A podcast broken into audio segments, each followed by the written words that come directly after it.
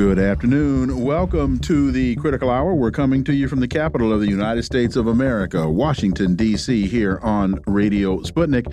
I'm your host, political scientist, author, and nationally syndicated columnist, Dr. Wilmer Leon. I'm joined here by my co host, political analyst, Garland Nixon. Thank you, Wilmer. For the next two hours, we will explore and analyze the salient news stories that are impacting the global village in which we live.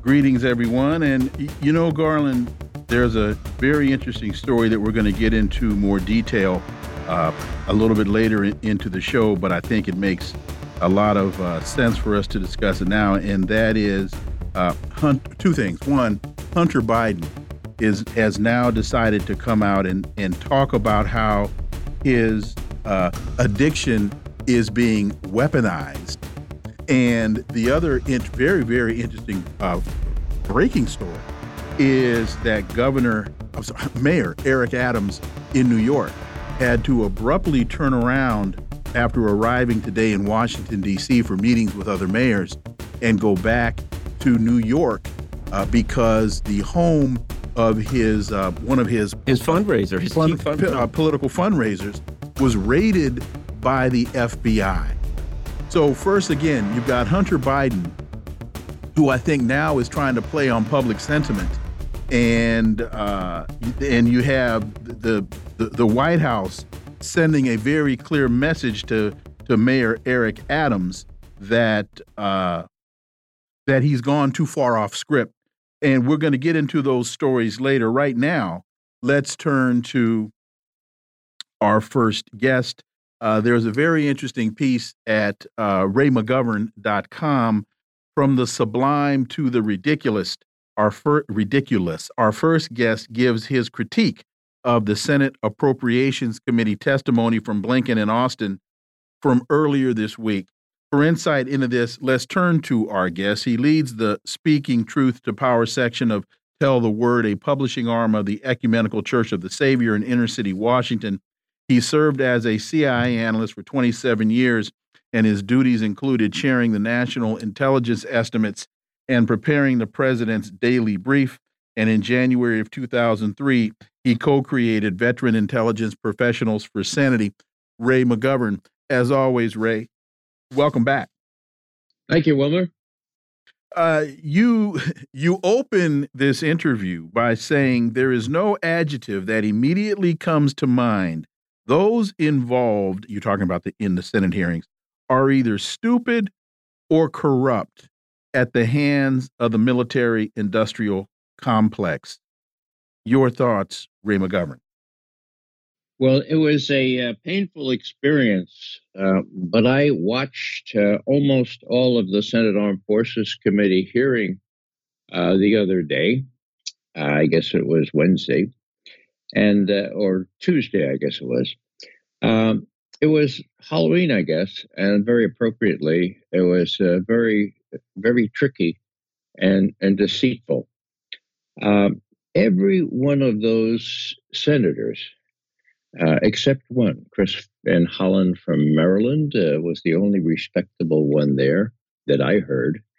Um, they all emphasized the fact that we need to give more more money, more arms to Ukraine and uh, to Israel, uh, because they're both both in very very much need of this money, and besides, realize that this money is really going is happening is going to to workers right here in this country because the money is going to build arms and, and the the profits will come to just gen, just general people. And so we're we're reinforcing our military industrial base here.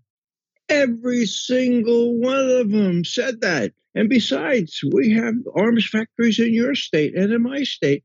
It was such a graphic illustration of the venality uh, that each one of these senators suffers from or delights in getting paid mega bucks from the very, very factories and the very uh, Raytheon's, Lockheed's, uh, General Dynamics, uh, Boeing, the rest of them that profiteer on the misery of other people.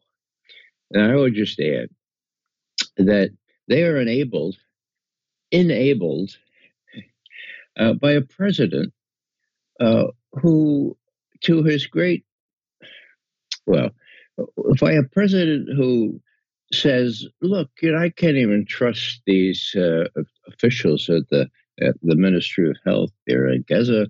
Uh, you know uh, what? You know what can we?" So this president is uh, almost uh, selling real estate for cemeteries for people in Gaza and people in Ukraine who would not be dead were it not for these senators who are either blissfully unaware of what the real state of affairs of the world is or are so venal that they don't give a rat's patootie about what happens to people as long as they can profiteer on the arms sales, as long as they can get reelected by donations from these arms terms, uh, arm, arms makers. I have to say that uh, I don't agree with Pope Francis on everything, but he was certainly right when he testified or came before Congress and said uh, the main problem in the world today is the blood drenched arms producers and traders. That's what I saw. It was repugnant. Uh, and, uh, you know, I just kind of uh, turned my stomach because good people, innocent people, are dying by the tens, by the hundreds, by the thousands now, not only in Ukraine, but in Gaza. And both can be prevented by our country, which is the prime mover enabling these atrocities. You know, Ray, I also think, um, uh, like you to comment on this, and that is the, the, the, the, the part that struck me about what you said is that they live in their own, apart from the American people, their own universe, their own political universe. Here's what I mean. Una, single, verse, song. Universe really means one song, right? Joe Biden, that we we covered an article recently where they said Joe Biden is going to change the um, change his his song on Ukraine from democracy versus authoritarianism, et cetera, et cetera, to oh, we need to do this for jobs. It's a jobs program. And as soon as we read that article and report it, Ray McGovern comes on and basically says, Yep, they're all singing the new song. Joe Biden came out and says, "Here's the new words. It's a jobs program. You go to the um, to the to the Senate Arms Committee, uh, Services Committee, and they're all singing the new song, the words, just mouthing the words that Joe Biden gave them in their own political universe. Right? Yes, and uh, I guess one thing that strikes me uh, most painfully is that when we talk about genocide, and that's a legal term, and I use it advisedly because that's what's happening now in Gaza. Okay, genocide happened before. Well, I was just a young person here uh, during World War II. Now it's happening again. Now, uh, is anyone speaking out against it this time? Well, you know, Biden won't. Um, the Israeli leaders won't. Uh, the Ukrainian puppets won't. Well, to whom does one look at this critical juncture in history for some moral leadership? Well, one might think that you would uh, look toward uh, religious authorities that still claim some, still have a pretense of moral authority. Now, back in World War II, and I know this from a painful study, uh, the German Church, uh, the Vatican, uh, they were all they were all silent now, when I say the German church, I mean not only the Catholics, but the evangelical churches, okay? And uh, and so when I look at what's happening in Gaza now, and I see not one statement of any disapproval of genocide. Now, I see, I notice the Pope uh, in a sort of uh, adverted to the fact that some Franciscan friar in the Holy Land said well, it might be have a good might might be good to have a ceasefire. And Pope said that during his lunch luncheon address to somebody uh, last Sunday. Uh, that's not enough, for God's sake.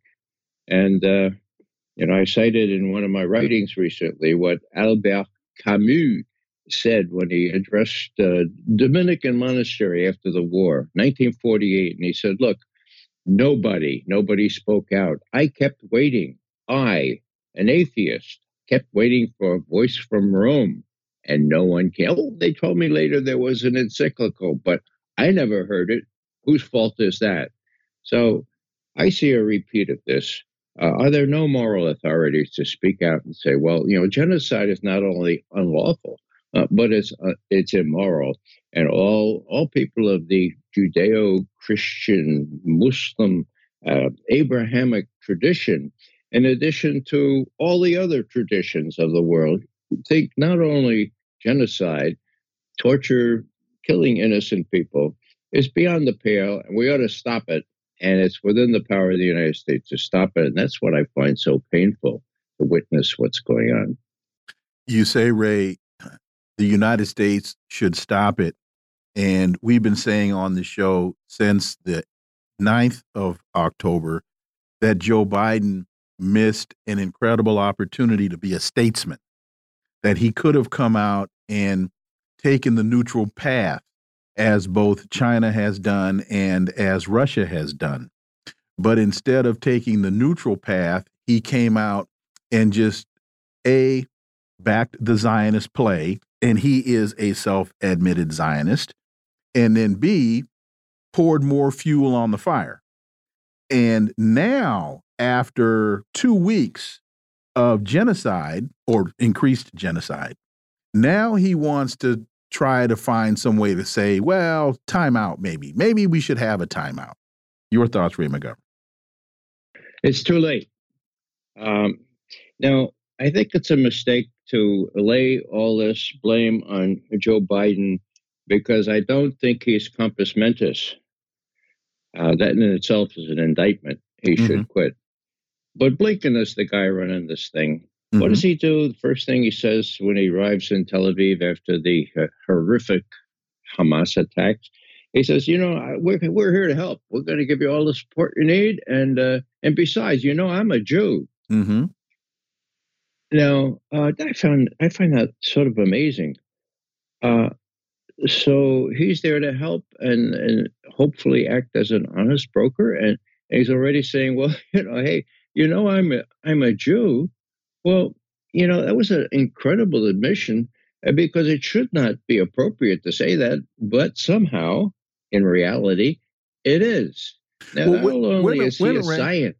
Yeah. Oh, go, go, no, you, you, go ahead. Yeah, I'm just going to say it's not that he's Jewish; he's a Zionist. Person, there you go. Okay, and so is Jacob Sullivan. For God's sake, you know Sullivan.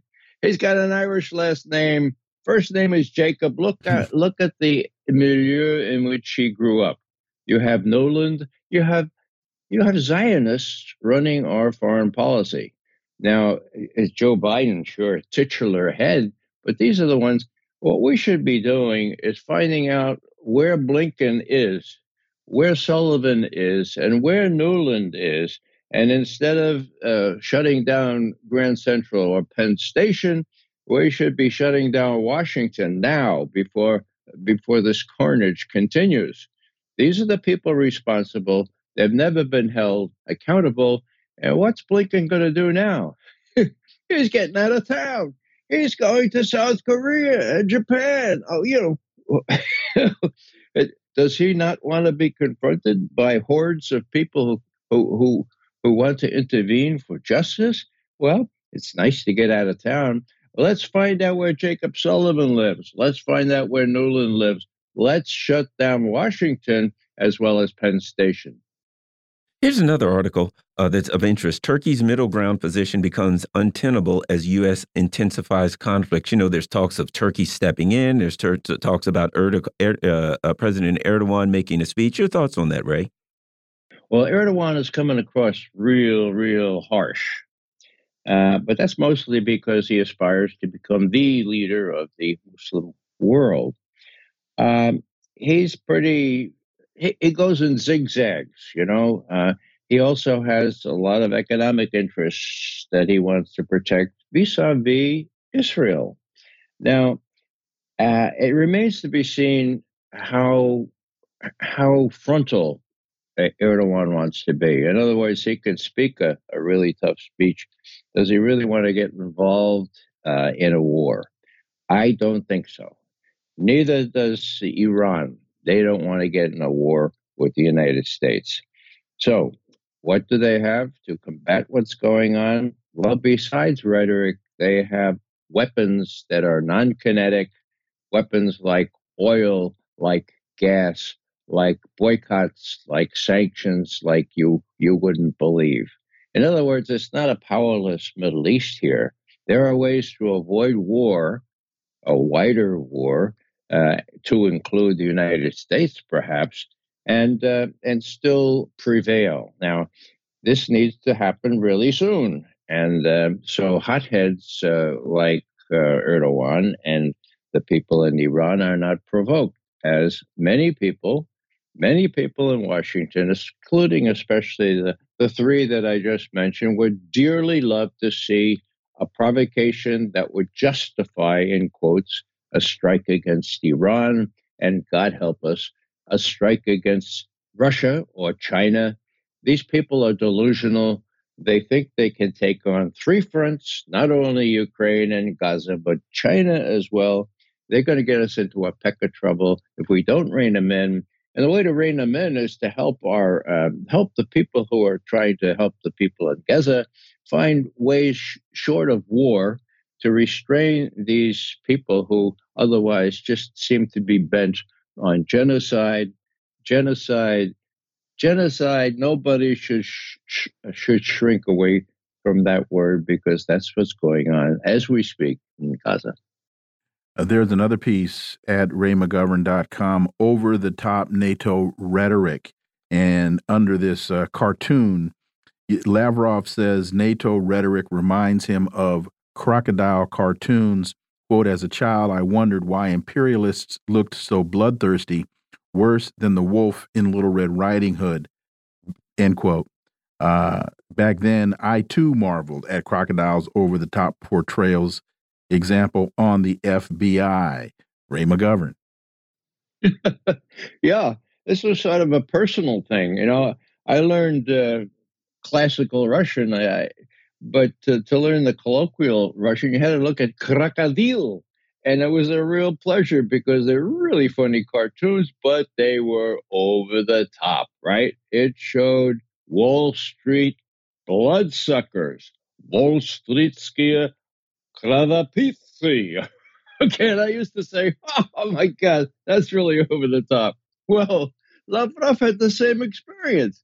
He says, you know, uh, what's happening now in NATO rhetoric reminds him of the overdone Soviet era crocodile cartoons.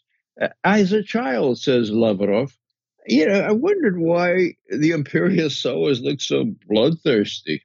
Worse than the wolf and Little Red Riding Hood. Now, I mean, that's the way they look. Well, I mean, look at them now.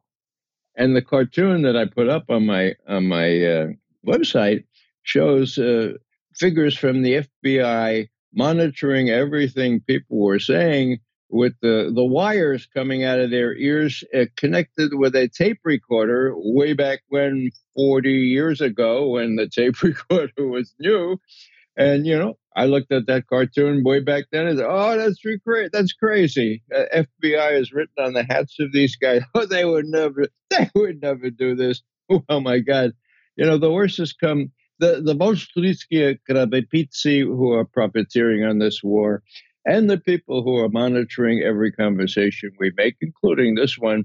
Well, it's no longer a caricature. It's what the United States has become. Really quickly, Ray one of the things that jumped out at me at this quote was Lavrov saying, At a child, I wondered why imperialists looked so bloodthirsty. And what I think a lot of people in the West fail to understand, particularly as we look at uh, Russia's policy towards African countries, is Russia has been an anti imperialist force and continues to be. And that, I believe, gets overlooked by the West as people try to engage in what they consider to be analysis. We got just about one minute, Ray McGovern. Well, you're absolutely right, Wilmer. Um, the, the Russian record with respect to Africa in particular is totally anti imperialist. They're cashing in on that now. They're reminding African presidents and prime ministers of their record in facing into these threats, and that's paying dividends to Russia even as we speak. Ray McGovern, as always, thank you so much for your time. Greatly, greatly appreciate that analysis, and we look forward to having you back. You're most welcome. Folks, you're listening to the Critical Hour on Radio Sputnik. I'm Wilmer Leon. I'm joined here by my co host, Garland Nixon. There's more on the other side. Stay tuned.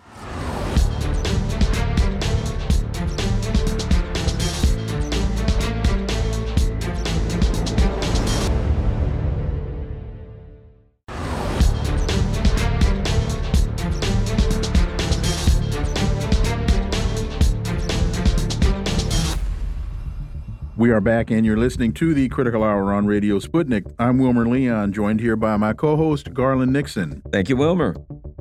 Sputnik International reports Vladimir Putin signs bill revoking ratification of the CTBT. Russian President Putin has signed a bill to revoke the ratification of the Comprehensive Nuclear Test Ban Treaty. While Sputnik also reports China and the United States will hold consultations on arms control and nuclear non-proliferation in Washington next week. Chinese Foreign Ministry spokesman Wang Wenbin said that earlier today. For insight into this, let's turn to our next guest. He's a Moscow based international relations and security analyst, Mark Sleboda. As always, Mark, welcome back. Dr. Leon Garland, thanks for having me. It's always an honor and a pleasure to be on the critical hour.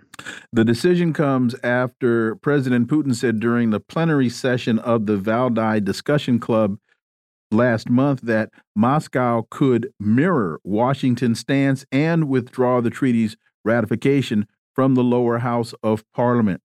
Uh, and I think it's there was also a point that he made saying that this was not demonstrating Russia's interest in escalation, that he was basically doing what the United States is doing. Mark Sleboda. Yeah. Um, so the Russian president was pretty clear on, on this. After the U.S. Uh, pulled out of the Short and Intermediate Range Nuclear Forces Treaty, the Open Skies Treaty, before that, uh, the Anti Ballistic Missile Treaty, all of these Cold War security architecture, and the, the state of de facto conflict with the United States uh, uh in Ukraine.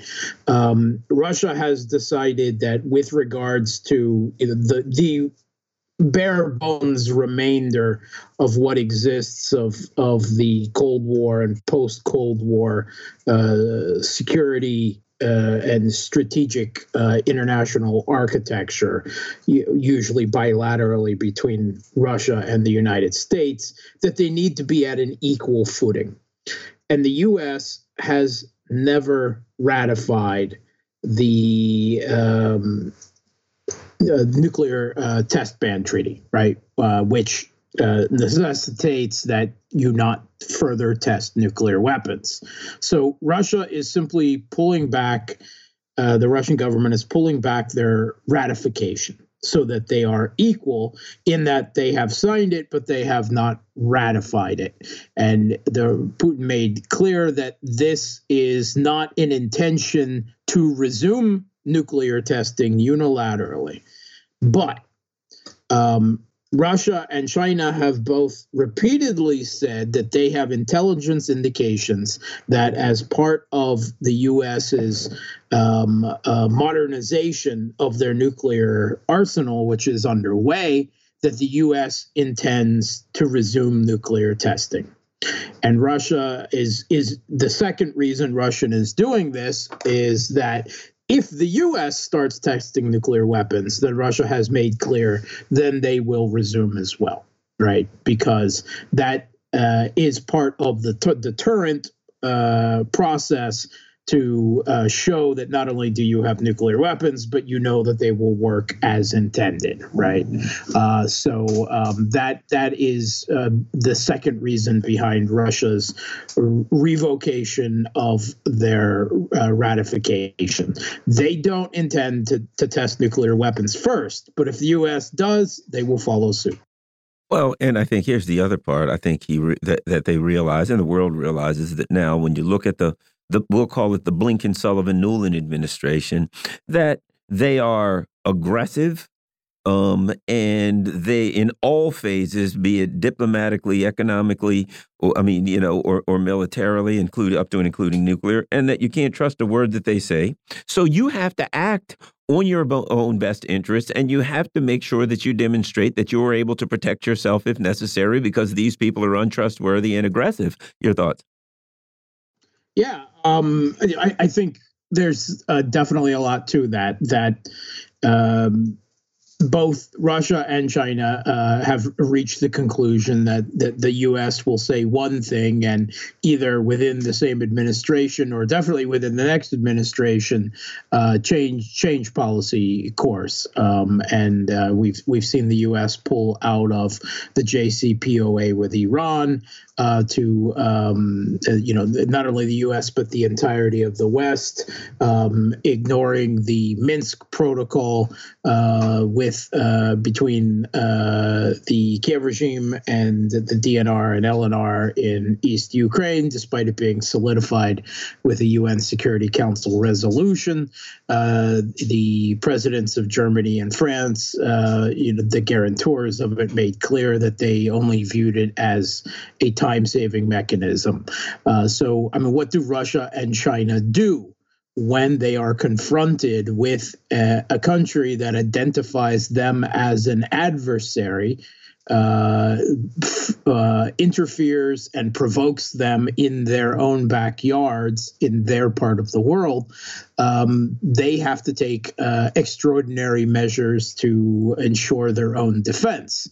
Um, and the U.S.'s, you know, game that it has been playing with China for decades uh, with the one China policy, where on paper the U.S. still says that Taiwan is part of China, but they're shoving as many arms as they can into the country and increasingly uh, taking uh, salami slicing steps towards diplomatic recognition of Taiwan separatism um, is. Uh, worrying China to say the least. So they're preparing for the worst you know, in response to the uh, the recent escalation between the uh, uh, within occupied Palestine, both China and Russia were very very clear that they were taking neutral posi positions on the issue as they were working gallantly uh, to to try to find a, a ceasefire and, and try to bring about a certain level of peace. Well, now it's being reported in the Times of Israel that Russia tells UN that Israel does not have a right of self defense in its war with Hamas. And I think we've got some audio uh, to that effect.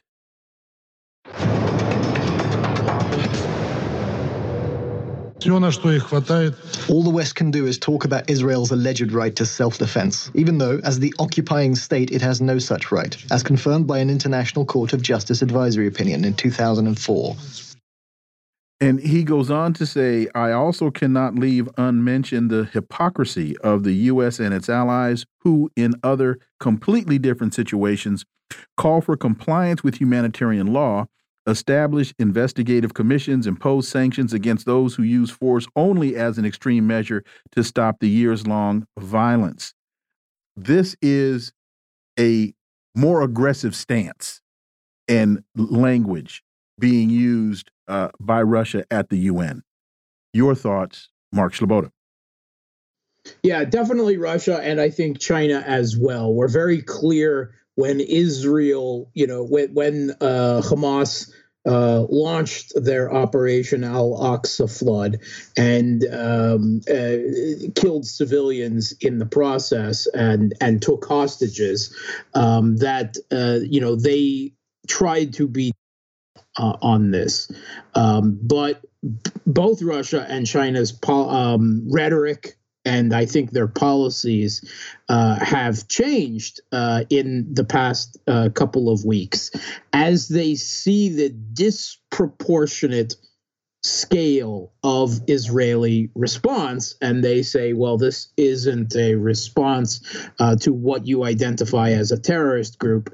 Uh, this is atrocity and ethnic cleansing uh, that is going on. That you're not waging war against Hamas, you are waging a brutal war uh, of extermination or expulsion against the Palestinian people as a whole in Gaza, and uh, that is, you know, coupled with the fact that one of the the favorite talking points of U.S. Uh, politicians and and uh, commentary with with Israel on uh, with regards to Israel is that they have a right to self defense, and no, they don't. They don't because they have been occupying Palestine for decades and through this this process that is unique uh, euphemistically referred to as settlers. It is a type of colonization.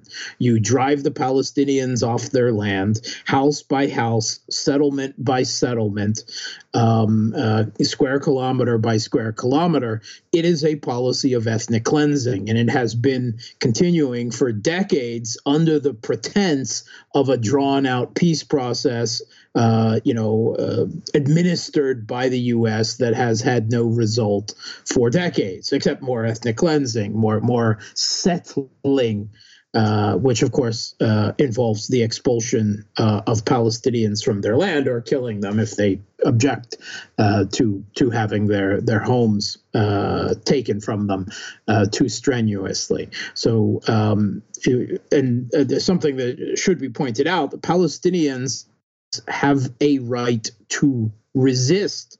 Their country is militarily occupied.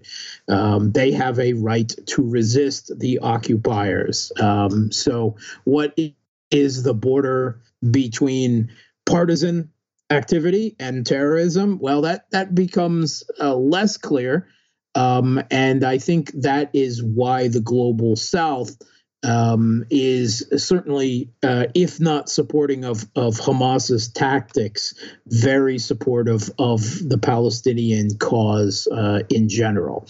And Russia and China have seen the, the disproportionate response, uh, and, and they have, the UN itself has called what um, Israel is doing war crimes and, and actions of bombing of uh, refugee camps as atrocities. And as much as Russia and China tried to be neutral, uh, Israel's um, uh, the, the scale of their um, military campaign, and it must be said, the full throated US and European support for it have made Russia and China have pushed them off of that neutrality position ever more.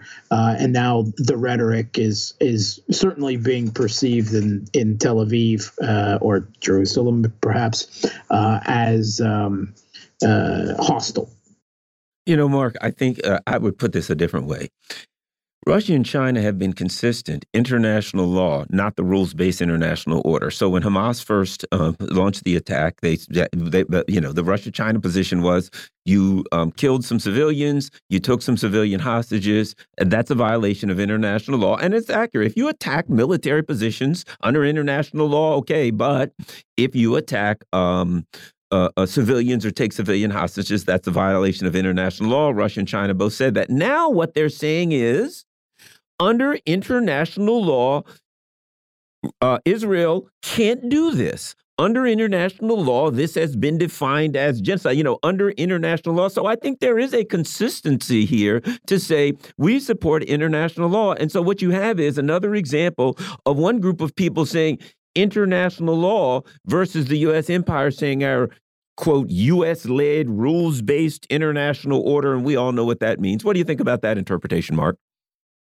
Yeah, absolutely. Um, I, I, think Russia and China, you know, initially took that position because they were uh, trying to apply international law to this conflict, you know, as best as they can interpret it. There's also the issue uh, of proportionality. Proportionality uh, with military response is something that the U.S. always loves to throw in the face of other countries, but of course is not something to be brought up to the U.S or its allies in itself. And the Operation Al Aqsa Flood by Hamas uh, killed some 1,300 Israelis, the vast majority of which were military. Um, now, uh, we know from the uh, Gaza uh, Health uh, Ministry that close to 10,000 civilians have been killed as a result of the Israeli response in Gaza, right? 10,000 versus 1,300, and of those 1,300, um, again, uh, more were military than not. Uh, that is not proportionate. That is extremely disproportionate. That is a policy of, of decimation. Uh, and Russia and China are reacting to that as well and you can't avoid the uh, statements by members of the Israeli government. You've got Netanyahu saying that his army is going to turn Palestine into rubble. Palestine into rubble. Uh, that then you've got, I think it was Ben Gvir who comes out and refers to Palestinians as animals. So when you have a when you have government spokespeople that are using this type of rhetoric, well then you can't claim that this is a military response. You they have already admitted that this is genocide. They have already admitted that this is collective punishment. And collective punishment, I believe, is a war crime. Mark Sleboda. Yeah, I mean the rhetoric coming out of not not just the military, but Israeli ministers in the, the government of Benjamin Netanyahu as well have identified. You know, they have completely dehumanized the Palestinians and have, have called for you know clearing them completely out of Gaza, driving them into the desert. They're, they have made their intentions more than clear. The Western mainstream mainstream media, a lot of it is still trying to ignore not only what they're doing about but exactly what they're saying so uh, announcing the intent quite clearly as as well um, so this is genocidal rhetoric and genocidal action um, and it is uh, certainly something that the rest of the world is is taking uh, note of. The U.S., uh, the EU, the West together have have always um, you know, said that it, part of their values is that collective punishment is wrong. Well, with their um, sanctions and um, uh, other prohibitions uh, and actions against ordinary Russians uh, uh with regards to the conflict in Ukraine, you know, that idea of collective punishment uh, you know, being verboten just went out the window, right? All Russians must be punished, right? That for you know uh, the, the, actions uh, of the government in support of the people of Donbass, um, and uh, we see this now extended to Palestinians as well. Uh, and the collective punishment of the Palestinians is is now, of course, at an even more egregious level than the collective punishment, uh, you know, the, economically and and uh, diplomatically of of Russians.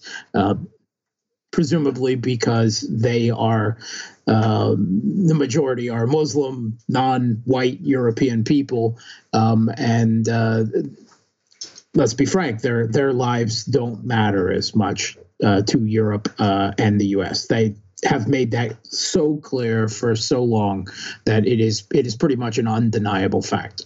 You know, Mark, and looking at what's going on in um, Gaza and comparing what happened in um, Donetsk in the Donbass, Donbass region, even now they're being shelled.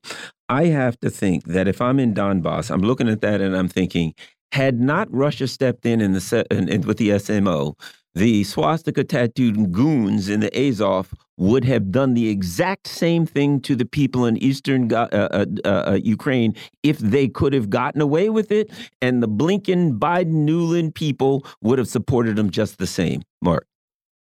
Yeah, I mean, they were well along the way of doing that, right? Uh, 15,000 civilians killed uh, over the course uh, of uh, a decade of uh, civil conflict within Ukraine, right? And and we're we're talking the the civilians, the the, the people of East Ukraine of Donbass who refused to accept the, the you know the openly West backed uh, putsch that overthrew their government, uh, and they paid a price for that. Uh, and we see the Palestinians paying that price right now. And there were there were acts of uh, similarly brutal atrocities, uh, if not quite the scale that we're seeing in Palestine.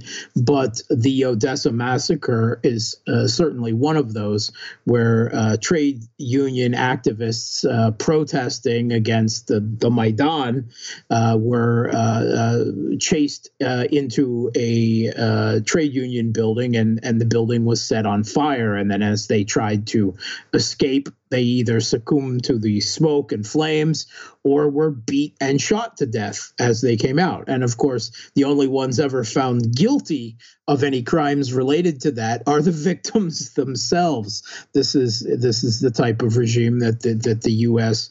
and the EU have supported uh, in Kiev, and uh, you know, it's it's quite interesting that the Zelensky regime keeps trying to draw parallels between itself and Israel.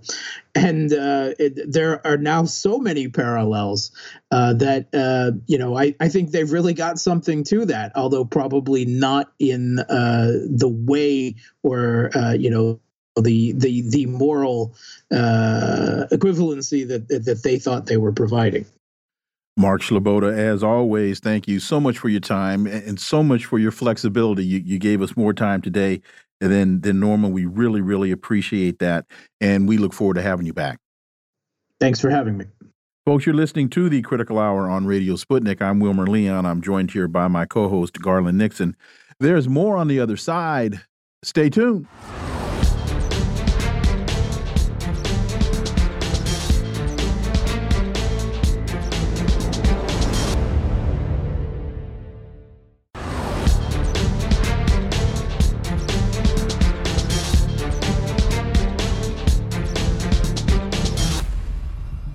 We are back, and you're listening to the Critical Hour on Radio Sputnik.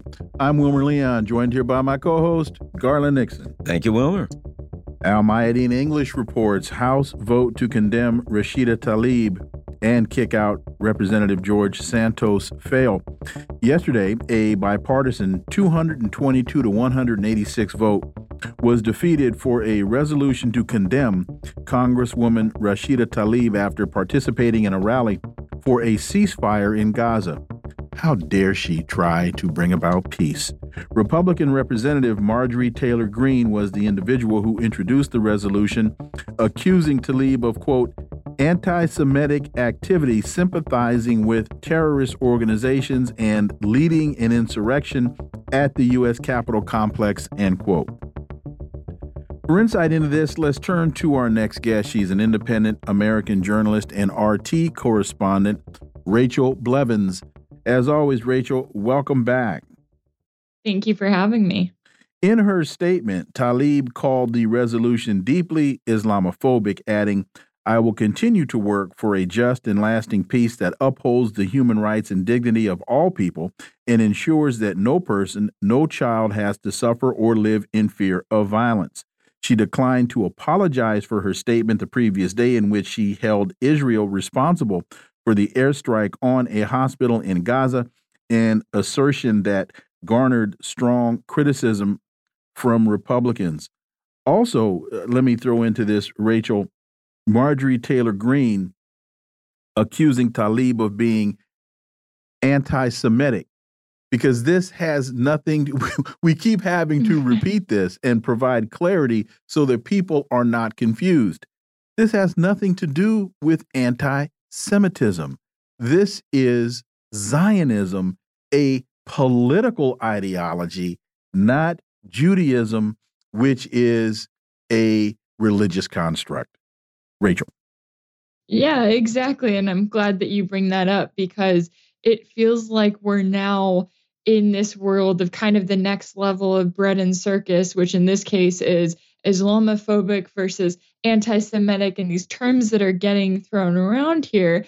And yeah, it's bizarre to think that someone who engages in a rally calling for a ceasefire, which is basically to say that they're calling for civilians on the ground in the Gaza Strip not to be carpet bombed and killed as they are being right now by the thousands. I think that the death toll just surpassed 9,000. So, calling for a ceasefire to claim that that is somehow anti Semitic, that that makes you hate all Jewish people all over the world because you're calling for 2 million Palestinian people not to be bombed to death is truly, truly bizarre. And I also think it's interesting that this resolution came from Marjorie Taylor Greene specifically, because when it comes to the war in Ukraine, she is at the front of the Republicans calling for the US to stop funding the war in Ukraine, saying we need to pay attention to what we're funding and we don't need to get and and then all of a sudden this comes up and she's so pro Israel and so pro war in this situation and pro supporting whatever Israel wants to do, even in this case, when it is carrying out the genocide of 2 million people, that it just the, the hypocrisy is truly never ending on cases like this. And the fact that you have members of congress spending their time on these kind of resolutions going back and forth on it taking a vote on it it's like don't we have something better to be doing with our time here? Apparently they don't and with our money. How about that? Now, Yeah, and I've been yeah. following this, and and this is this actually this is the issue that fired this whole thing up. The uh, uh, uh, uh, here's a passage from the article. She declined to apologize for her statement the previous day in which she held Israel responsible for the airstrike on a hospital in Gaza, an assertion that garnered strong criticism from criticism from Republicans. Now, here's the thing. At the time, there was evidence that Israel did it. Israel was claiming that we didn't do it. The New York Times had an article debunking Israel's defense for the hospital. So what we have is a uh, a Congress where if someone looks at an apple and says that's an apple, but politically that Congress says we want it to be an oak tree, you're not allowed to say it's an apple. If you're not allowed to look at something and say this is what it seems to be, and and I'll say this, even if you're wrong, that's constitutionally protected speech. But there was evidence aligned with the New York Times to say she was right. And they're saying it doesn't matter if you're right. You have to go along with the lies that we put forward, or you're going to suffer. And also evidence, very clear evidence by artillery experts said that Hamas does not possess the type of weapon that created the crater and created this amount of devastation. They don't have that type of weaponry. But You're not going along with the rhetoric. That's all that along with the matters. So you got to pay. Your thoughts, Uh, please Rachel. don't Right. confuse me with the facts. right?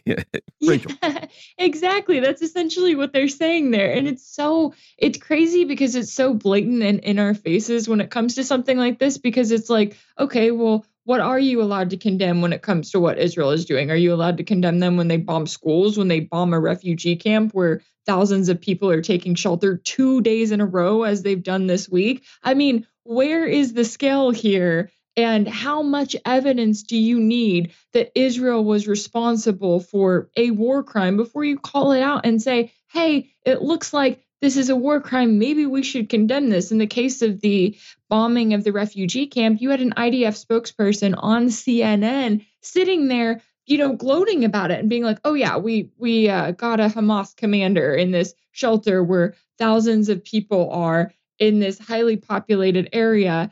And it's just insane to think that in today's day and age, with all of the information we have, we're still sitting here having the same arguments over essentially what is the price of a human life.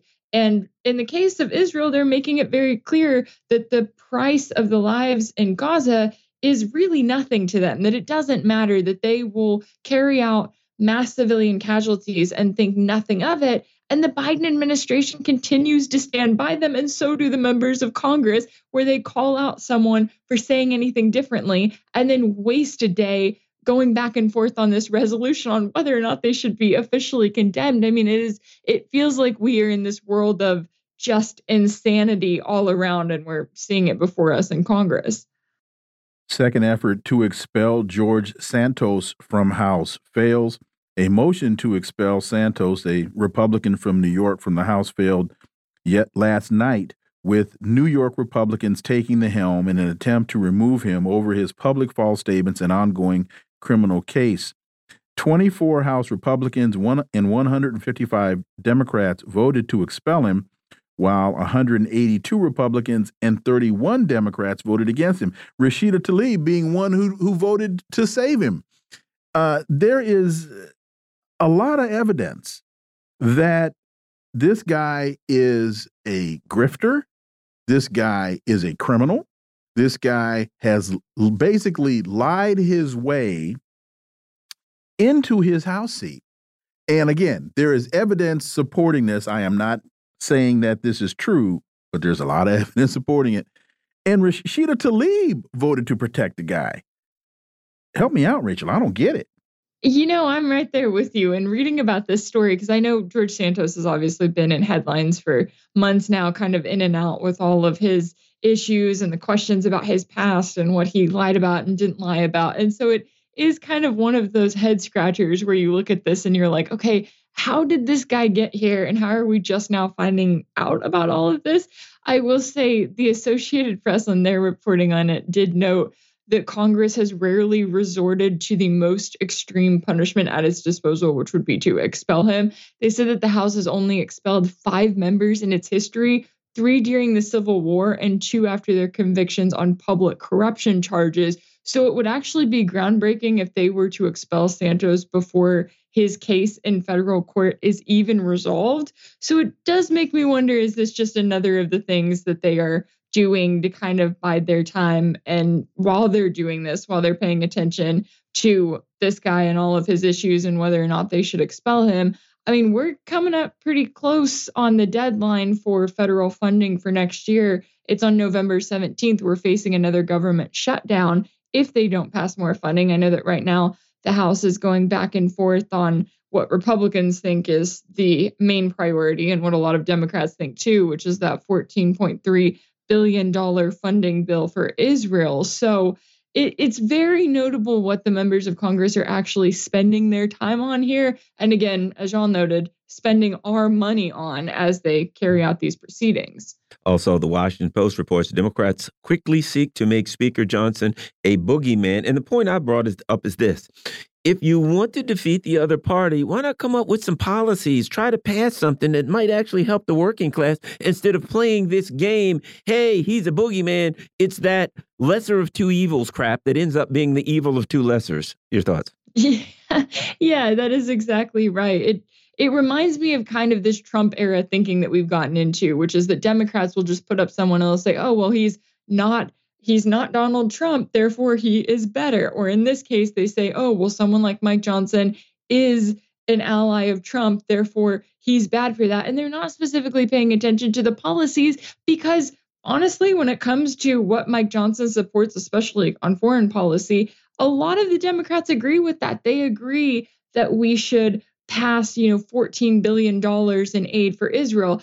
And when it comes to aid for Ukraine, Mike Johnson hasn't necessarily been against that. He's just said he doesn't want to do what Biden wants to do, which is to put it all into one massive $105 billion package that is passed. He's just said, hey, let's pass Ukraine aid separately. Well, you've got Democrats who are on board with passing that Ukraine aid, so they're going to be for that. So, yeah, we continue in this two party system where they continue to go back and forth and to act as though the other side is bad just because they're the other side, distracting the rest of America from the fact that there are so many things that these two parties come together to vote on. So I think when it comes down to that vote on aid for Israel, that is going to be a big thing to watch today to see how many members of both sides support that because they have that one common ally in mind. And uh, we've got just about a minute left. One of the things that jumps out at me with this one is the Democrats want to make Johnson a boogeyman, but many of them still want to keep uh, uh, the guy from New York in his, in his, in his seat. We got that doesn't make any sense. We got 30 seconds, Rachel. Oh, absolutely. And it is kind of that endless just spiral of nonsense that I feel like is almost intentional to keep the American people in this place of saying, hey, don't look up here, don't look at what this establishment's doing, or why they're not supporting a ceasefire in Gaza, or why they're not focusing on things that would actually make your lives better. No, instead, we need to fight about who is in Congress and who the next House Speaker is, because that's the important thing. Rachel Blevins, as always, thank you so much for your time. Greatly, greatly appreciate that analysis, and we look forward to having you back. Thank you, guys. Folks, you're listening to the Critical Hour on Radio Sputnik. I'm Wilmer Leon. I'm joined here by my co host, Garland Nixon. There's another hour on the other side. Stay tuned.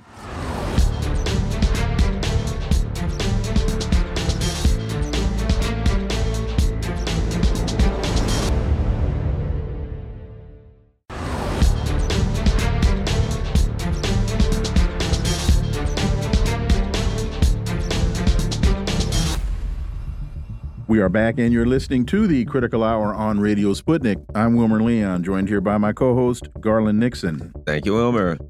The New York, I'm sorry, NBC New York News reports New York Governor Eric Adams abruptly cancels meetings in Washington and returns to New York City. He ab abruptly canceled his meetings where he was planning to meet with a group of mayors from the largest U.S. cities and the White House regarding the ongoing migrant crisis. He arrived in D.C. this morning and then shortly thereafter was back on a plane to New York City. And this appears to be in response to FBI agents earlier today searching the Brooklyn home of his chief fundraiser, Brianna Suggs, a campaign consultant who is deeply entwined with efforts to advance his agenda. For insight into this, let's turn to our next guest. She's the senior editor and senior columnist at Black Agenda Report and the author of Prejudential Black America and the Presidents, Margaret Kimberley. As always, Margaret, welcome back. Thank you so much. So, the raid apparently prompted Adams to abruptly cancel several meetings scheduled for this morning in D.C. to talk with White House officials and members of Congress about the influx of migrants in New York City and other major cities. And, and Margaret, I've, I've just published a piece uh, entitled The Dangers of Minstrel Diplomacy. And I think the big house, I'm sorry, the White House, um, is sending Eric Adams a clear message. I I could use more colorful language, but I'll just say uh, going off script.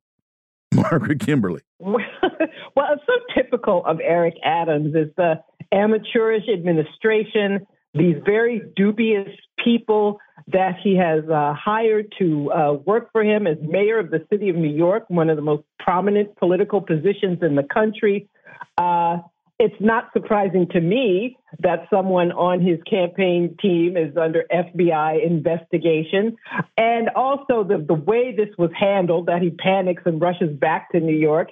He, uh, I mean, it is an important issue that uh, the city of New York needs help with this influx of uh, asylum seeker migrants from the rest of the world, but that he uh, canceled everything and came back to New York. And the, the story in the New York Times was very funny. People not returning calls, a lot of panic. Uh, clearly, this is uh, the the D list of uh, political teams, but it's very typical of him. Uh, this, the fact that this man, who is just not cut out for the job, uh, managed to become mayor anyway, but of course, because he's an incumbent, he's already raising a lot of money to run for office again. Uh, it is a, a, huge loss for New York that this guy is mayor at this time. He's absolutely, and as a New Yorker, I can say he's absolutely dreadful. You know, uh, maybe I'm I'm I'm going to uh, you know think uh, voice some things that uh, you know are just my thoughts. It seems to me, you know, he's a member of this black misleadership class. He's doing what his bosses want, and maybe either one or two things. He didn't quite do everything they want. He started mouthing off about the immigrants, and he needed money for that. They don't like that, and they put him in his place. Or number two, you think, you know, Hunter Biden and these people, we already know they did whatever they want. The FBI is covering for them, hiding stuff for them, coming down on people trying to investigate them. You think that you can do what your bosses do. They're reminding you that you have your place, you can do what you're told to do, but don't get too big for your britches. You can't do what the master can do. Margaret. Well, that I think is, I'm sure that's partially true, but with Adams, you never know. He has, uh, I mean, the people around him are horrible. He scraped the bottom of the barrel in getting some of these folks these jobs. Uh, some of them can barely speak to the press. There's always some sort of ethical problem. Uh, he's not even a competent member of the Black Misleadership class. so it's, uh, it's so it's just it's just kind of uh, of uh, funny that he's the mayor of New York City at all, and he was put in office by white people with a lot of money they wanted a more conservative mayor. Um, he is the one. He's always talking about crime, crime, crime all the time. And I was a cop, and um, you know things that actually don't help the city very much, but it tells you the agenda of the people behind him. They do not want anybody even remotely progressive that even talks about being a progressive. And the end result is this. Um, monumental incompetence on his part and on part on the part of uh, these horrible people he managed to put uh, in in uh, their positions. You know, you mentioned the incompetence of the people that he has put in positions in his administration. Do you think that was payoff for payback in in order in, in for those that enabled him to get the position, or is he just surrounded by a bunch of incompetent people? Well, he is because he's incompetent himself. He is not a smart person. I mean, not at all. He doesn't have any of the intellect that one would hope the mayor of uh, the city of 8 million people, big, biggest city in the country, would have. I don't recall, I've lived in New York since the 80s. I do not recall another mayor who uh, was so obviously not cut out for the job. But there were splits among progressives that allowed him to get in. And now he's the incumbent. As bad as he is, he has low approval ratings. Who knows? He, I hate to say it, but he might become uh, uh, mayor again. But this is the end result. Nobody, you know, he's he's not important enough for anybody to protect. To your your point, Garland, he's uh, uh, no one sees the need to say, well, let's not touch Eric Adams. People, nope, they're going to touch him anyway. And this person, this woman, is not the only one under investigation. So we have somebody in uh, over his head, uh, doing the bidding, the bidding of terrible forces, and the people of New York City are suffering. Let, let me go back to one more point I, that I'd like for you to, to dig a little deeper on it, and that is the FBI is being used once again as the attack dog to maintain a narrative, whether it's Omali Yeshitela, whether it, it, and, and I don't, I'm not trying to equate Omali Yeshitela and Eric Adams. We're talking two polar opposites of the universe. But the thing that that is common is the FBI being used again to send a message uh, because the people that are being attacked are are are using a narrative that is contrary to what the administration wants to hear. Well, you know, I, I mean, I think that's possible. I know the, the administration is very defensive about Adams and other mayors uh, criticizing uh, them for not giving cities the help they need. You know, people from all over the world are coming to New York because in New York you have the right to shelter, which is a good thing. But it was meant to help New Yorkers who've fallen on hard times, not to help people from all over the globe. So Adams and other of his colleagues have told the, the Biden administration, listen, you've got to help us and that's what they should do. So it's it's hard to to um, I, I think it also shows that Adams is just not of that rank, not of that class of people that they feel the need to protect him. And uh, so when his people are in trouble, he and they will be hung out to dry article by, written by Margaret Kimberley. Hmm. Biden is the greater and less effective evil. We've heard that before. Your thoughts, um, uh, Margaret? Well, you know, our uh, the late Glen Ford used to say that uh, Obama was not the lesser evil; he was just the more effective evil. And uh, Biden, you know, anybody who didn't want to support him in 2020, what were you told? He's the lesser evil. Harm reduction. Well, clearly he isn't. Uh, he's committing this uh, war crime in uh, Gaza, giving Israel the green light. So, in effect, the U.S. is a party to the crime. Uh, and it's so blatant, though. He's not even very good at what he, he's doing. So he is the greater evil, and he's also the ineffective evil. Uh, he is. Uh, you know, he's a, a weak president. He's not physically well. I don't know if you noticed when he met Netanyahu a couple of weeks ago, he was reading from note cards. They can't even trust him to speak off the cuff. You don't know if he's going to say something stupid or crazy.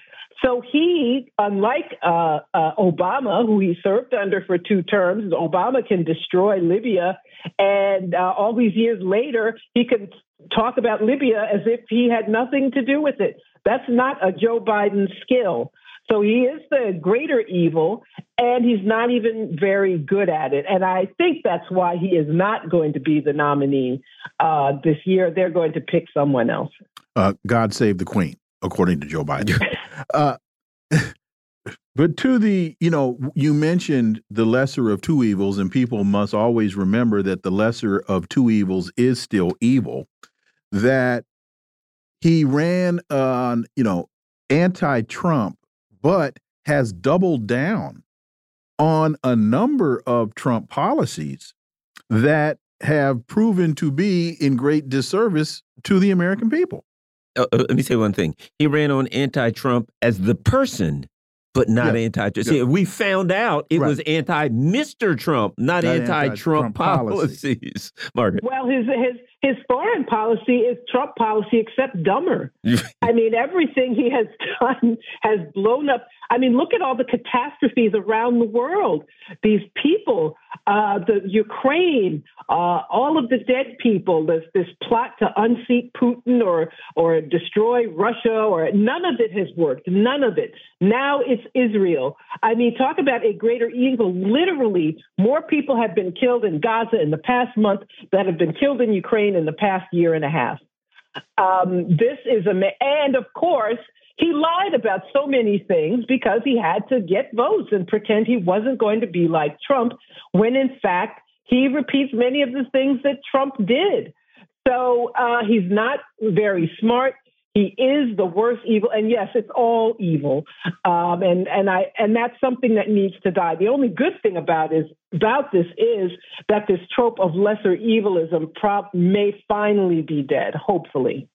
And so, Margaret, what do you say, particularly to those in the African American community who say, "I've got to vote for a Democrat, and we can't have Trump again"? So, so I'm going to vote for Joe Biden. Well, it's a, I would tell people to stop feeling responsible for the Democratic Party. It's up to them to get the best candidate. It's up to them to make the case. So you can vote for whomever you want to vote for, but this this idea, and I understand this trap that black people feel that we're in, but how much did Trump's presidency hurt me or hurt you or hurt anybody? It's Obama. People lost their homes under Obama. So what is it exactly that's that was so much worse. We went through a Trump administration, and despite all of the things, the reasons I oppose him, I don't see him as being, uh, frankly, so much more harmful to black people than anybody else was. And I also say to Democrats, stop making yourself responsible for their victories. It's on them to make the case, to make a good enough case to get reelected. Well, we may get genocide and a nuclear war, but at least we won't get mean tweets, uh, Margaret. I mean, that's about uh, at this point. What what can you say? He can talk about Bidenomics or being a pro-labor president. Everything he says is a lie. Everything Biden has touched has turned to mud, and I that is why I predict he's not he, they're going to come up with some reason to get him out of there, and Kamala Harris also. So it'll be two different people running for president and vice president next year. Well, and a lot of folks can say a lot of things about former President Obama, but he did say never underestimate Joe Biden's ability to F something up. and, that was the most prophetic statement I've heard in politics in my life. And and that and that was Barack Obama saying that. That wasn't me saying that. So, folks, uh, you know, send your emails to him. Uh, Margaret Kimberley, as always, thank you so much for your time. Greatly, greatly appreciate that analysis, and we look forward to having you back. Thanks so much. Folks, you're listening to the Critical Hour on Radio Sputnik. I'm Wilmer Leon. I'm joined here by my co host, Garland Nixon. There's more on the other side. Stay tuned.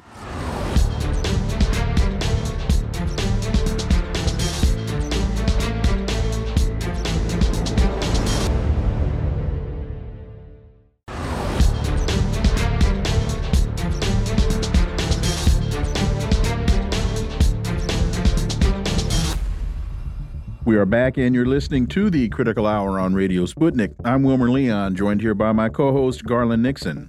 Thank you, Wilmer.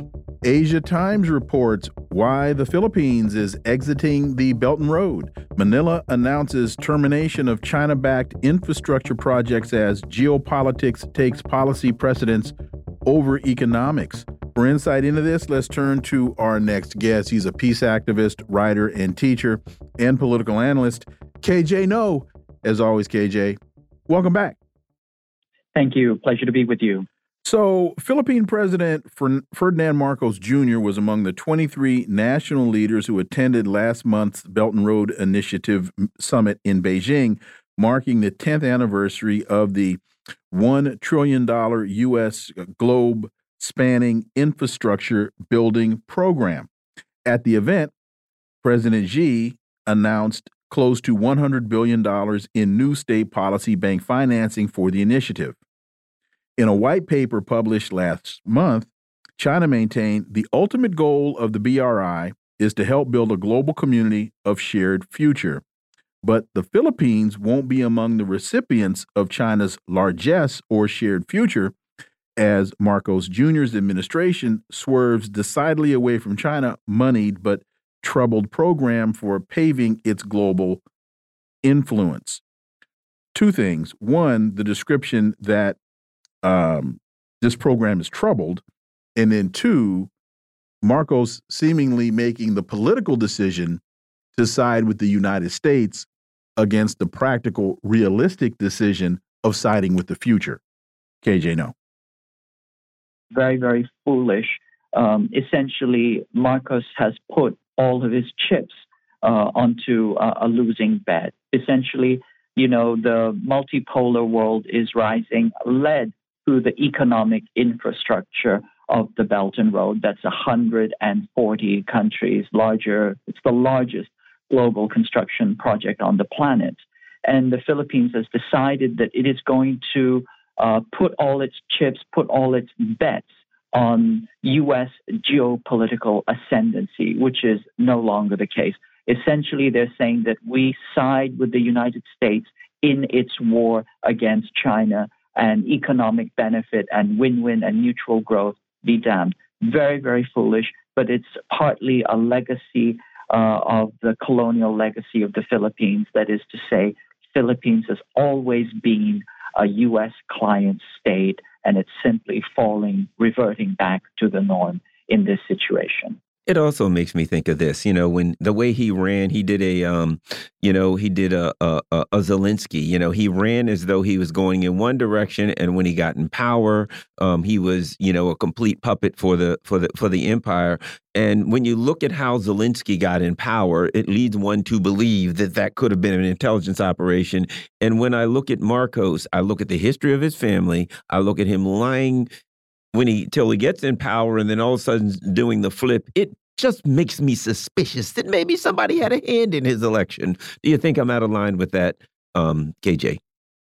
I don't think you're out of line. What the U.S. has uh, involved, interfered in uh, 86 uh, elections since, uh, you know, since World War II. You know, and the Philippines has always been the U.S.'s playground simply because of the geostrategic, uh, you know, value of the Philippines remember the father, uh, uh, Marcos, you know, was a, a, complete and total tin pot U.S. puppet. He did everything that the U.S. did uh, until they got tired of him, and then they uh, got rid of him. And this is the son, the son who does not fall far from the tree. Uh, and of course, he did what you know uh, these uh, uh client uh, politicians do, which is to say they signal left and they turned right. You know, they sent uh, misleading signals, and now he's completely and totally. Uh, you know, uh, doing the dictates of the United States, and this is because the Philippines is geostrategically that area around the South China Sea that the Philippines has influence over is one of the most important geostrategic areas as far as waging war with China is concerned, as far as choking China out. It is the key choke point with which to uh, do damage to China.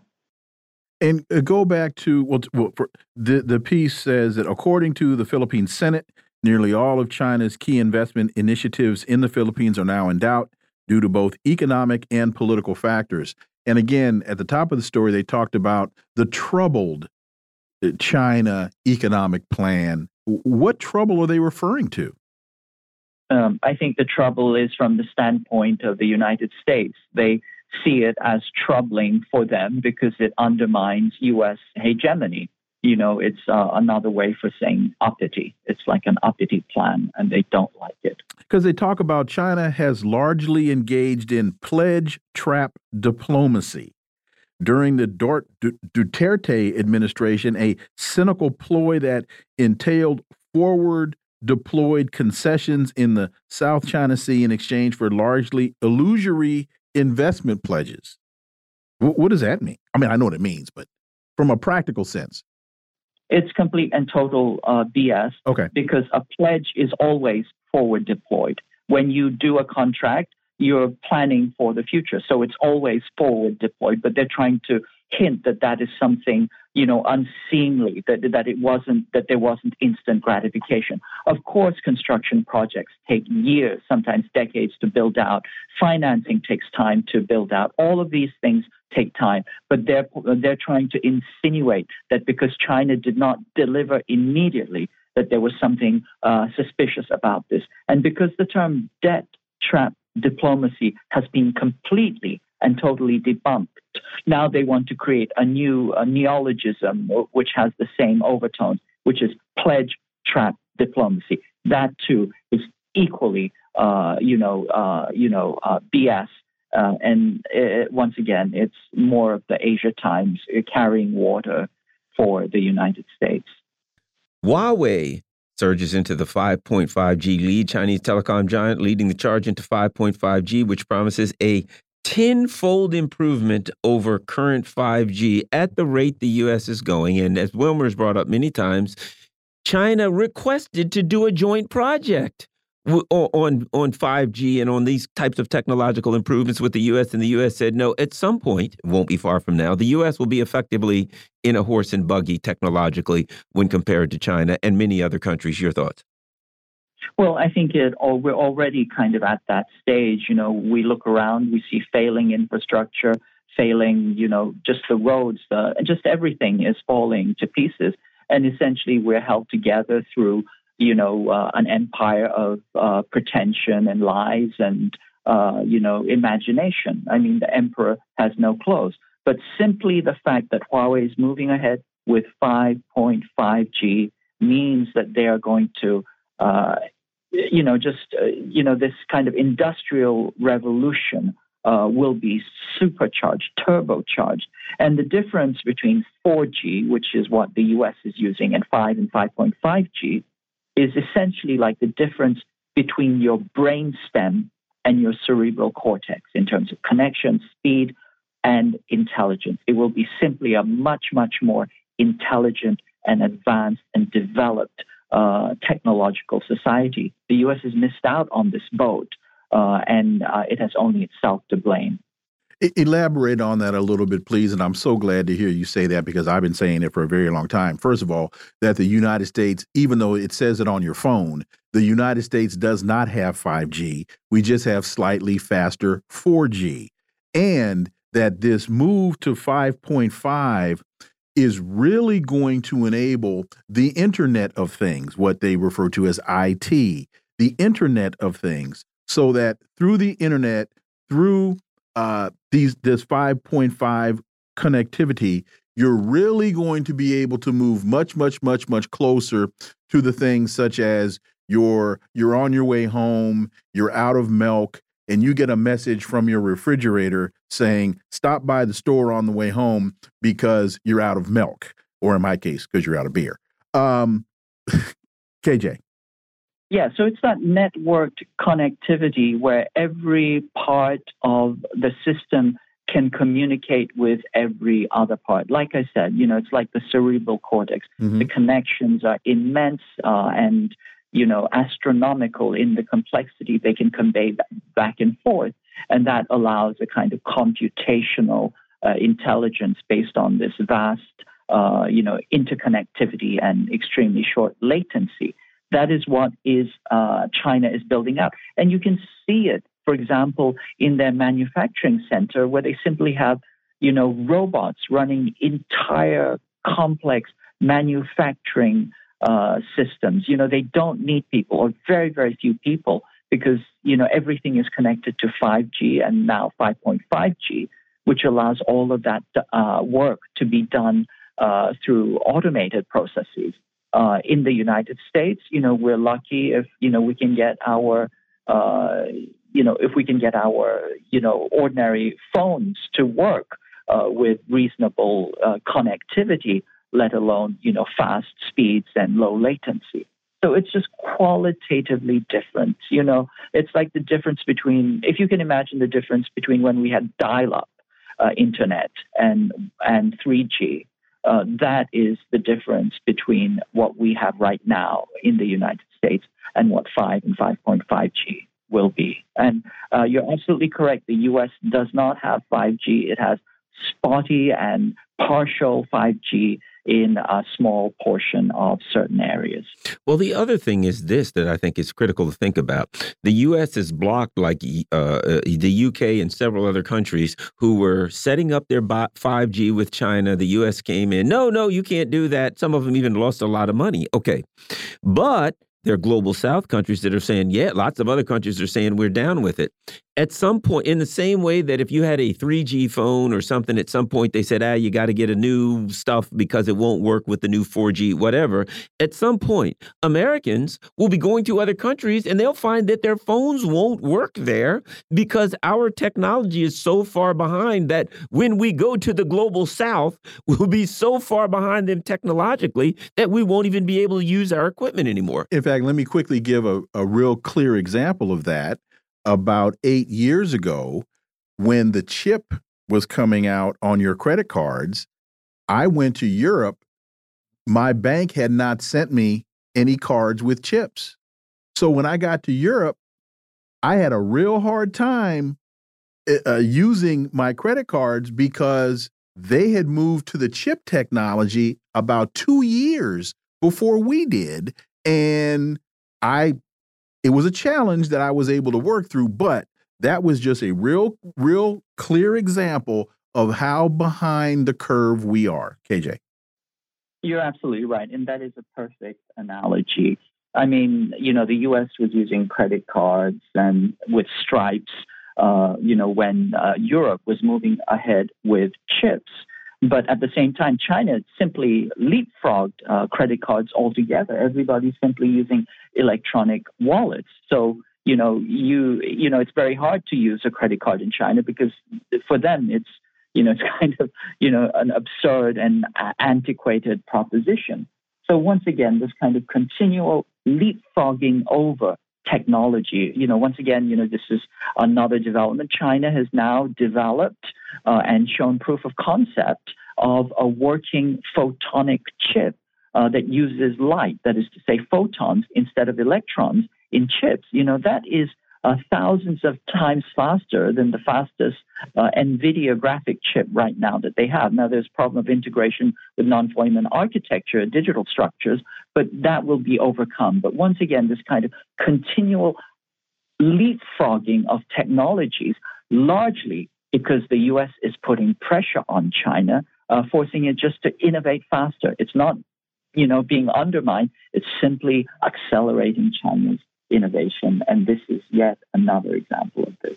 And really quickly, to to tie another story together, uh, Chinese astronauts say that they're that they they've landed. They had a hole in their parachute, but that wasn't the point I wanted to get to. It was the fact that China has its own space station, and they've been sending astronauts up, sending astronauts back.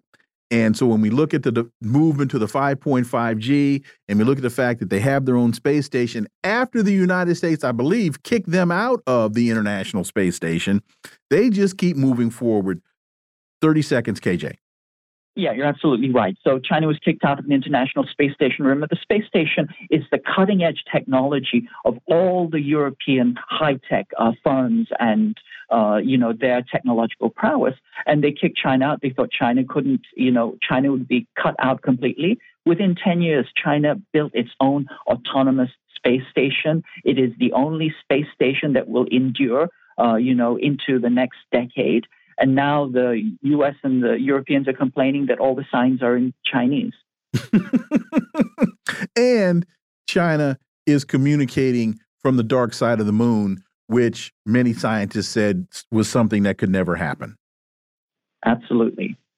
KJ Noh, as always, thank you so much for your time. Greatly, greatly appreciate that analysis. We look forward to having you back.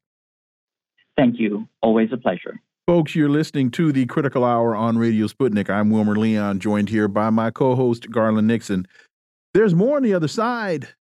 Stay tuned.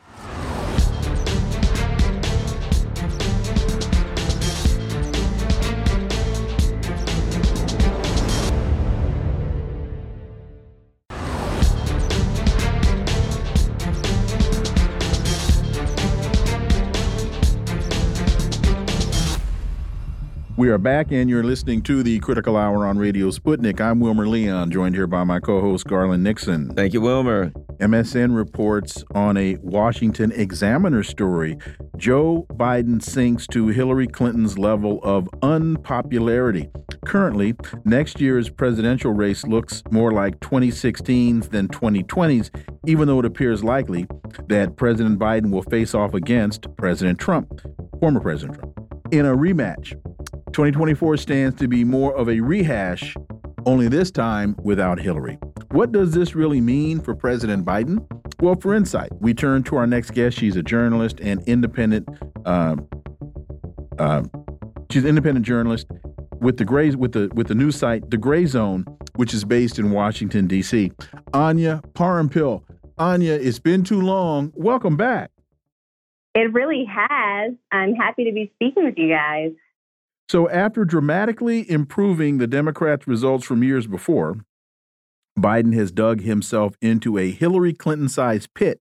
In just three years, his record low approval ratings among even Democratic primary voters leave his party with two questions Are Democrats preparing for the right race? And can Biden dig himself out? Anya Parampil.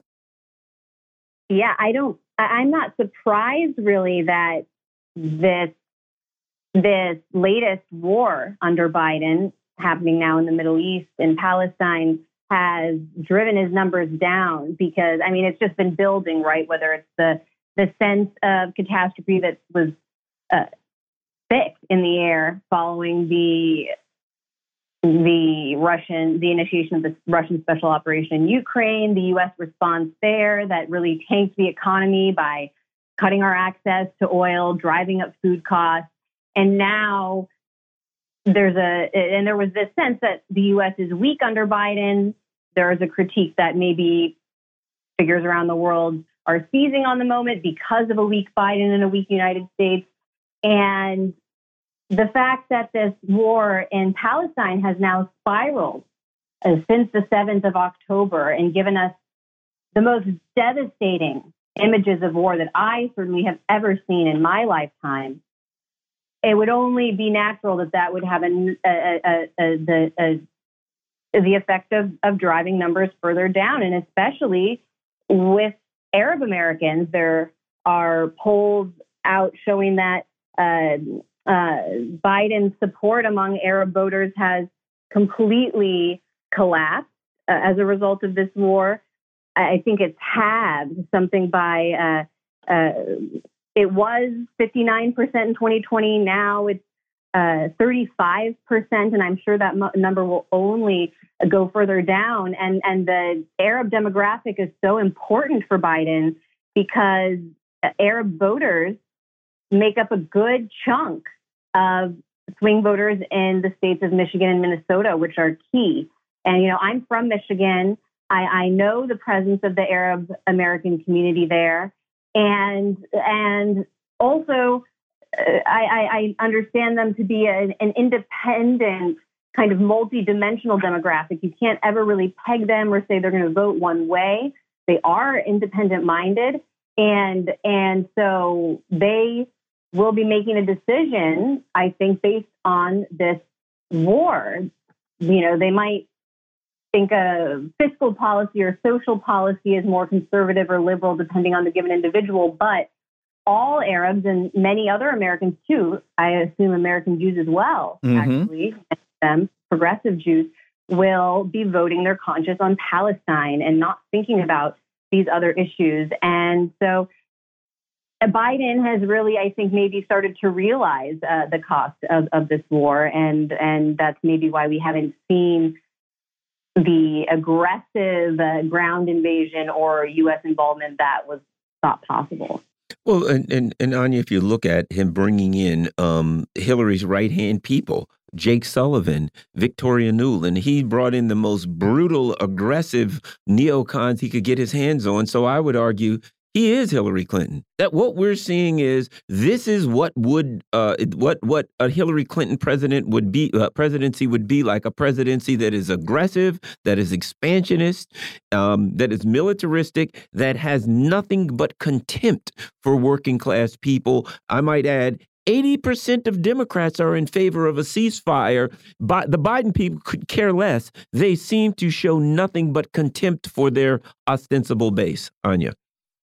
That's absolutely the case. And I know people like you will not be surprised by this. This is exactly what so many critics of Biden, so many people who criticized the blue no matter who camp in 2020 knew was awaiting us in a Biden presidency. And yes, these are the same figures that not only were working in Hillary Clinton's State Department, but also Biden's State Department when he was the point man on Ukraine. Oh, I'm sorry, Biden's vice president's office when he was the point man on on Obama Ukraine policy. I'm talking about Antony Blinken. I mean, that's really when he carved out his name in in Washington was uh, in in the Obama era working for Biden, and now it really feels like Antony Blinken is president in many ways because I don't really take Biden or Kamala that seriously, and evidently foreign policy uh, has has really taken over the, the Biden presidency. It's absolutely going to be defined by by what happened in the world during the Biden presidency and then subsequently how that blew back and impacted us on the domestic side. As I said, whether that is about has to do with rising food costs, rising gas prices, it all comes back to this question of war and peace and where our money is going. The Biden administration cutting off our access to Russian oil, refusing to, uh, and, and, and the UN refusing to, to honor grain deal and driving up the price of fertilizer as a result of Russian gas embargoes. I mean, these are uh, issues that we don't necessarily think of as direct uh, directly hitting us when we're going to the grocery store or pumping gas. Most Americans might not realize that yes, all of these issues that we're using to define the failure of the Biden presidency on the home front are directly connected to this bellicose and neocon foreign policy that Antony Blinken has spearheaded. And I'm, you, in your earlier answer, you mentioned Arab Americans and you mentioned Jewish Americans as well. And I'm glad you did because there are, contrary to the narrative that the Biden administration wants to promote, as in Antony Blinken going uh, to meet with Netanyahu and saying, I'm not only here as a U.S. Secretary of State, I'm here as a Jew. There are many Jewish Americans, as in the group uh, uh, uh American Jews for Peace, that are against Jewish Voices for Peace. Yeah. Jew Jewish Voices yeah. for Peace that are that are strongly, strongly against the genocide that is being engaged in against those in Gaza. Uh, and you also, you know, talking about this conflict, history tells us that the, the dominant logic is that people tend to rally around their leader in times of conflict. And I think the Biden administration is rolling the dice on that history, and they will find out that in this instance, history will not prove that logic to be true. And to your point about people going to the grocery store, they you know Biden is touting Bidenomics, but when the so so the the financialized economy is doing well, the banks and the and the returns on your investment, your 401k is doing pretty well. But when you go to the grocery store, you got hell to pay. Yeah, precisely. And that's what's going to matter to voters. The issue when it comes to whether or not this will actually impact Biden at the ballot box really comes down to the fact that there are, if you're voting on Palestine, no other options. So I think that I could I could imagine just based on my interaction with the various communities and how I understand them that some Arab American voters would vote for Trump, for example. I don't think that the, the progressive Jewish community, the Jewish voice for peace typical voter would make that switch. And I could also see them ultimately voting for Biden because there is so much pressure on other issues that progressive people care about uh, to just, you know, stop the big orange man from ever coming back into office. And it's unfortunate, too, that RFK Jr., who was definitely someone that I was excited about as an alternative candidate, this is the one issue, Palestine is the one issue where he refuses to think critically or uh, buck buck the mainstream pro-war narrative, and it kind of undoes his anti-war positions on everything else because anyone who really understands the world and understands U.S. place in it knows that Israel is the driving force or a major driving force for conflict in the Middle East. And as we see now, is basically begging us to get involved in World War III. So he can talk all day about his positions on Russia and Ukraine and say that he's pro peace there. As long as he's swearing this allegiance to Israel's security as he has, we cannot take him seriously as an anti war candidate either. And on the Palestinian side, there's no question, judging how he's talked about them in, a, in a, just an overtly racist manner, that I, I can't imagine Arab Americans, if they become familiarized with that rhetoric, would be willing to vote for him. So I just don't. It's a big question mark. What what people who are upset about this more and want to oppose this genocide in in, in practical means that the in the, in the American uh, political system, what what options they're left with. Uh, my partner and editor at the Grayzone, Max Blumenthal, suggests that everybody writes in a watermelon or some sort of third party candidate to just send a message that we don't even have to vote for anyone other than just uh, send try just send a message to the establishment, particularly the Democratic Party establishment, that blind support for Israel, a blank check for this religious extremist, apartheid, ethno supremacist regime is not a winning strategy. Uh, Wilmer, I think everybody should vote Nixon 2024 as a nice rhyme, you know, get a nice sound to it. What do you think? I'm yeah, going to write in on Anya Parampil. Yeah, oh, there we go. That's what I'm going to do. Anya pill. thank you so much for your time. Greatly, greatly appreciate that analysis. I'm writing your name in, and I hope it's not as long before we get you back again. Thank you. Thanks, guys. Folks, you're listening to the Critical Hour on Radio Sputnik. I'm Wilmer Leon. I'm joined here by my co host, Garland Nixon. There's more on the other side. Stay tuned.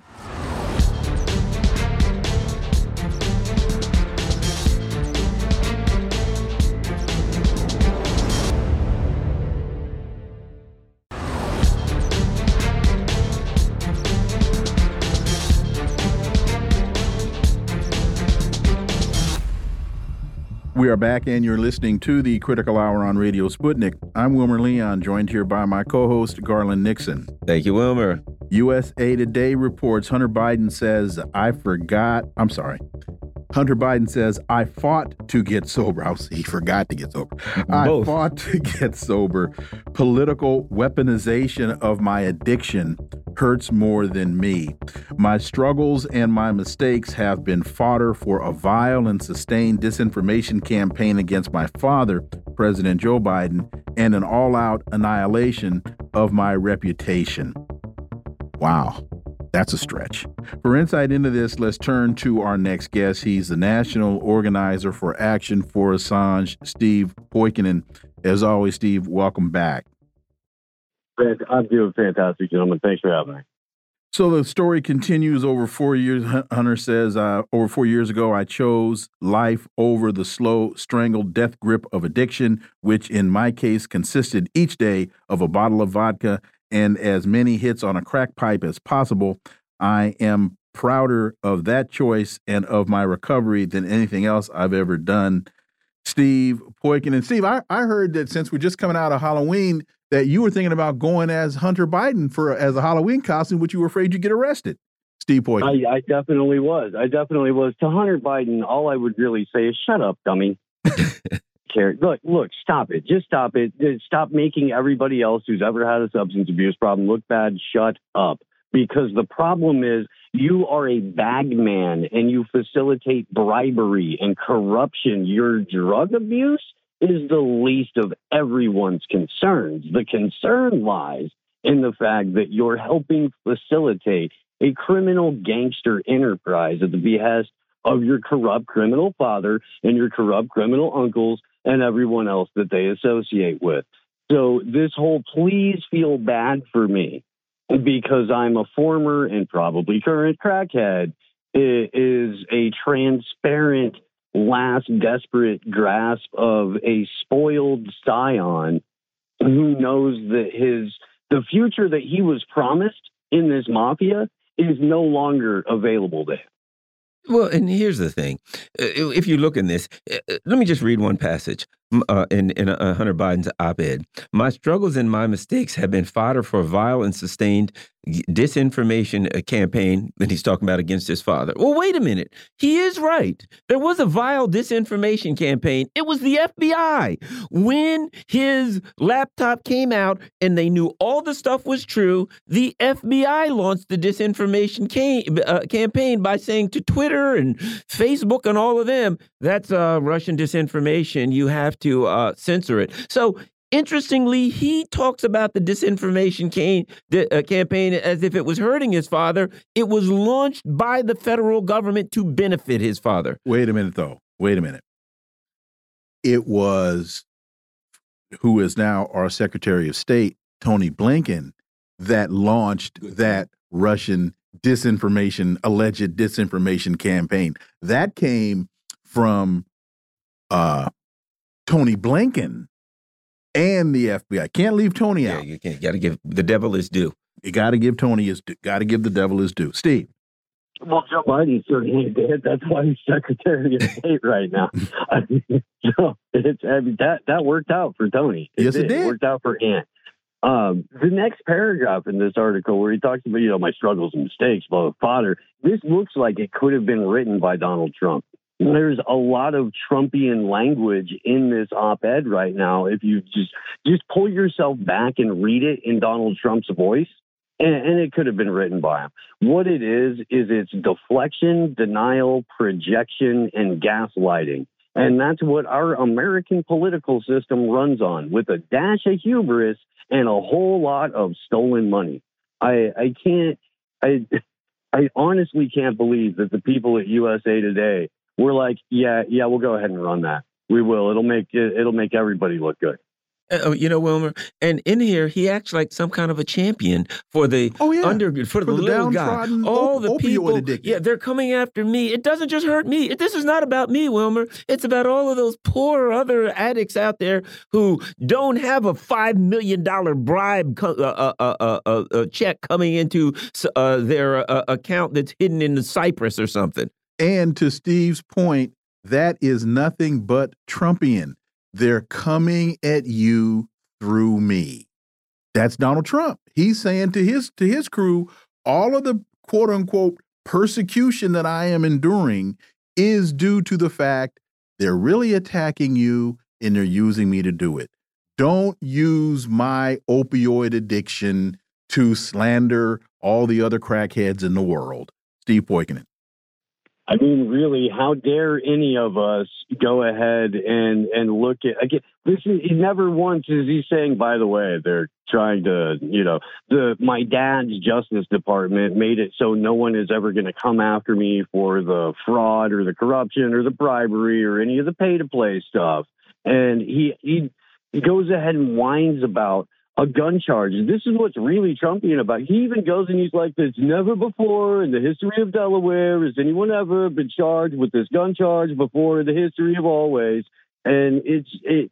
They've found a they've found uh, I guess a, a cadence that works or a particular set of um, call and response kind of narrative that works for this and they're going to run it with both sides because again both sides are equally as corrupt they just take turns on who gets to be more corrupt at any given point in history uh, uh you know something else i want to throw out has he gone to his father and said, "Take marijuana off Schedule One, so all these people won't stop going to jail? Won't going to jail? There are people in jail going to jail right now because of his father won't keep his promise. He said he was going to legalize marijuana, at least take it off Schedule One, decrim, do something. He's done nothing. He, he it's interesting that he's pretending as though he is some kind of champion for the under the poor, suffering, addicted people Yet his father is the one who passed laws and pushed things to make their lives even worse and uh, uh, make their lives even even worse and put them in jail. And I don't see him anywhere saying, "By the way, I have met with my father and said we got to do something to help all these addicts." Yeah, they got to do something, put them in jail so that the prison industrial complex can get richer. Or has he come before America and said, "Hey, folks, it's on me. It's not my dad." It's on me. I remember when um, the Bill Clinton's vice president, Gore, Al Gore, was running. Bill Clinton came out and said, "Hey, don't tar him with with with my mistakes." He basically gave Al Gore the green light and said he had nothing to do with any of my mistakes. Do not tar him with that brush. I haven't heard Hunter Biden come out and say, "Hey, folks, I'll take this hit. It's not my dad. Well, him and his father were getting Steve. five million each, man. They're both eating off. Well, exactly. Yeah. yeah. yeah, I mean, you can't make that argument in this case because in this case, you, we have you know ten percent for the big guy. well, you got, can make you the, know you can make the argument. It, it won't be true, but you can make the argument. Okay, Okay, sure. I mean, it'll you know it'll go over like a fart in church, but you can make it. It's one of those things you can try. I just This whole again, just the whole deflection of you know you're coming after the little guy by making you making this about my substance abuse. Nobody's trying to do that. We're trying to make it about the corruption, and that's what that's what's so nefarious about the op-ed to begin with is that it intentionally draws attention away from the legitimate crimes that have been committed. I don't care that you did a little crack, Hunter. Your dad is probably at some point it's going to come out that the aneurysm that he suffered earlier in his life is 100% cocaine induced. Like it runs in the family. That's not the problem. The problem is you think that you can run all over the planet and engage in pay to play schemes to enrich some of your friends at the behest uh, of the innocent people you're trying to claim that you're, you know, sticking up for all over the planet. Greanville Post has a piece Press freedom in the West is a lie. Obama, Trump, Biden, it doesn't matter. Eric Zuesse makes clear that the criminal nature of U.S. foreign policy, that is, imperialist policy, never changes regardless of rhetoric or party in power. Steve. Well, not only does it never change, what we've been witnessing is that they're finding more and more clever ways of limiting voices of dissent the continuity of government that exists to make sure that uh, all of the right neocon buttons get pushed and all of the right corporate palms get greased. That's been in place for quite a while. And really, in 2012, when Obama signed the Smith Modernization Act into law in the NDAA, going forward, we've lived in an unfettered propaganda cycle where it is If your default position isn't everything that I'm being shown is a lie and it's incumbent on the person showing it me to prove otherwise, then you're doing media wrong because we have moved so far out of the realm of reality that uh, former CIA Director William Casey's wish has come true. The, their propaganda campaign is complete. Nothing the American public believes is real. Well, you know, we're also seeing but people like DeSantis, these people who were like, oh, there's censorship during COVID. Oh, there's censorship. We must stop this censorship. And now when it comes to Israel, they're the worst censors out there. Steve, we got about a minute, Steve. Ron DeSantis is, uh, a giant hypocrite, and Nikki Haley belongs in a mental institution. They have both been spitting some of the most vile rhetoric around the entire conflict. They belong nowhere near a presidential campaign, let alone your television screen. Well, but Nikki Haley's uh, Nikki Haley seems to be benefiting from this. She's slowly but surely moving up the moving up the ladder, and there are those now, as you know, that have been writing articles that uh, everybody else needs to step step aside so that she can progress. We got thirty seconds. Yeah, no, the Neera Tanden of the right with those crazy eyes belongs nowhere near a position of power whatsoever. Nikki Haley has violent anti human rhetoric, and she's a danger to herself and others. Steve Poikonen, as always, thank you so much for your time. Greatly, greatly appreciate that analysis, and we look forward to having you back. Thank you very much, gentlemen. Well, Garland, uh, I think we did a pretty good one today. And this Hunter Biden story, I, I wonder how much of this is really just his trying to influence a, a potential jury, his trying to uh, influence a potential judge, trying to find some some space in somebody's heart to give him some leniency as uh, this plight as his plight continues to spiral down the down the drain. You know, I'm with you. I think that there is a political angle to this, so much so, and I'm so cynical I find it hard to believe that Hunter Biden wrote that. Oh, yeah. They paid some PR firm who, you know, played the game. They ran it in front of, tested it in front of groups, did all of that kind of stuff and said, okay, that this, and then they sent it over to the CIA who finished it, who wrote the whole thing for it. Hey, folks, you've been listening to the Critical Hour here on Radio Sputnik. Thank you for allowing our voices into your space. On behalf of myself and my co host, Garland Nixon, we hope you were informed and enlightened, and we look forward to talking with you all right here tomorrow on Radio Sputnik. Be safe. Peace and blessings. We're out.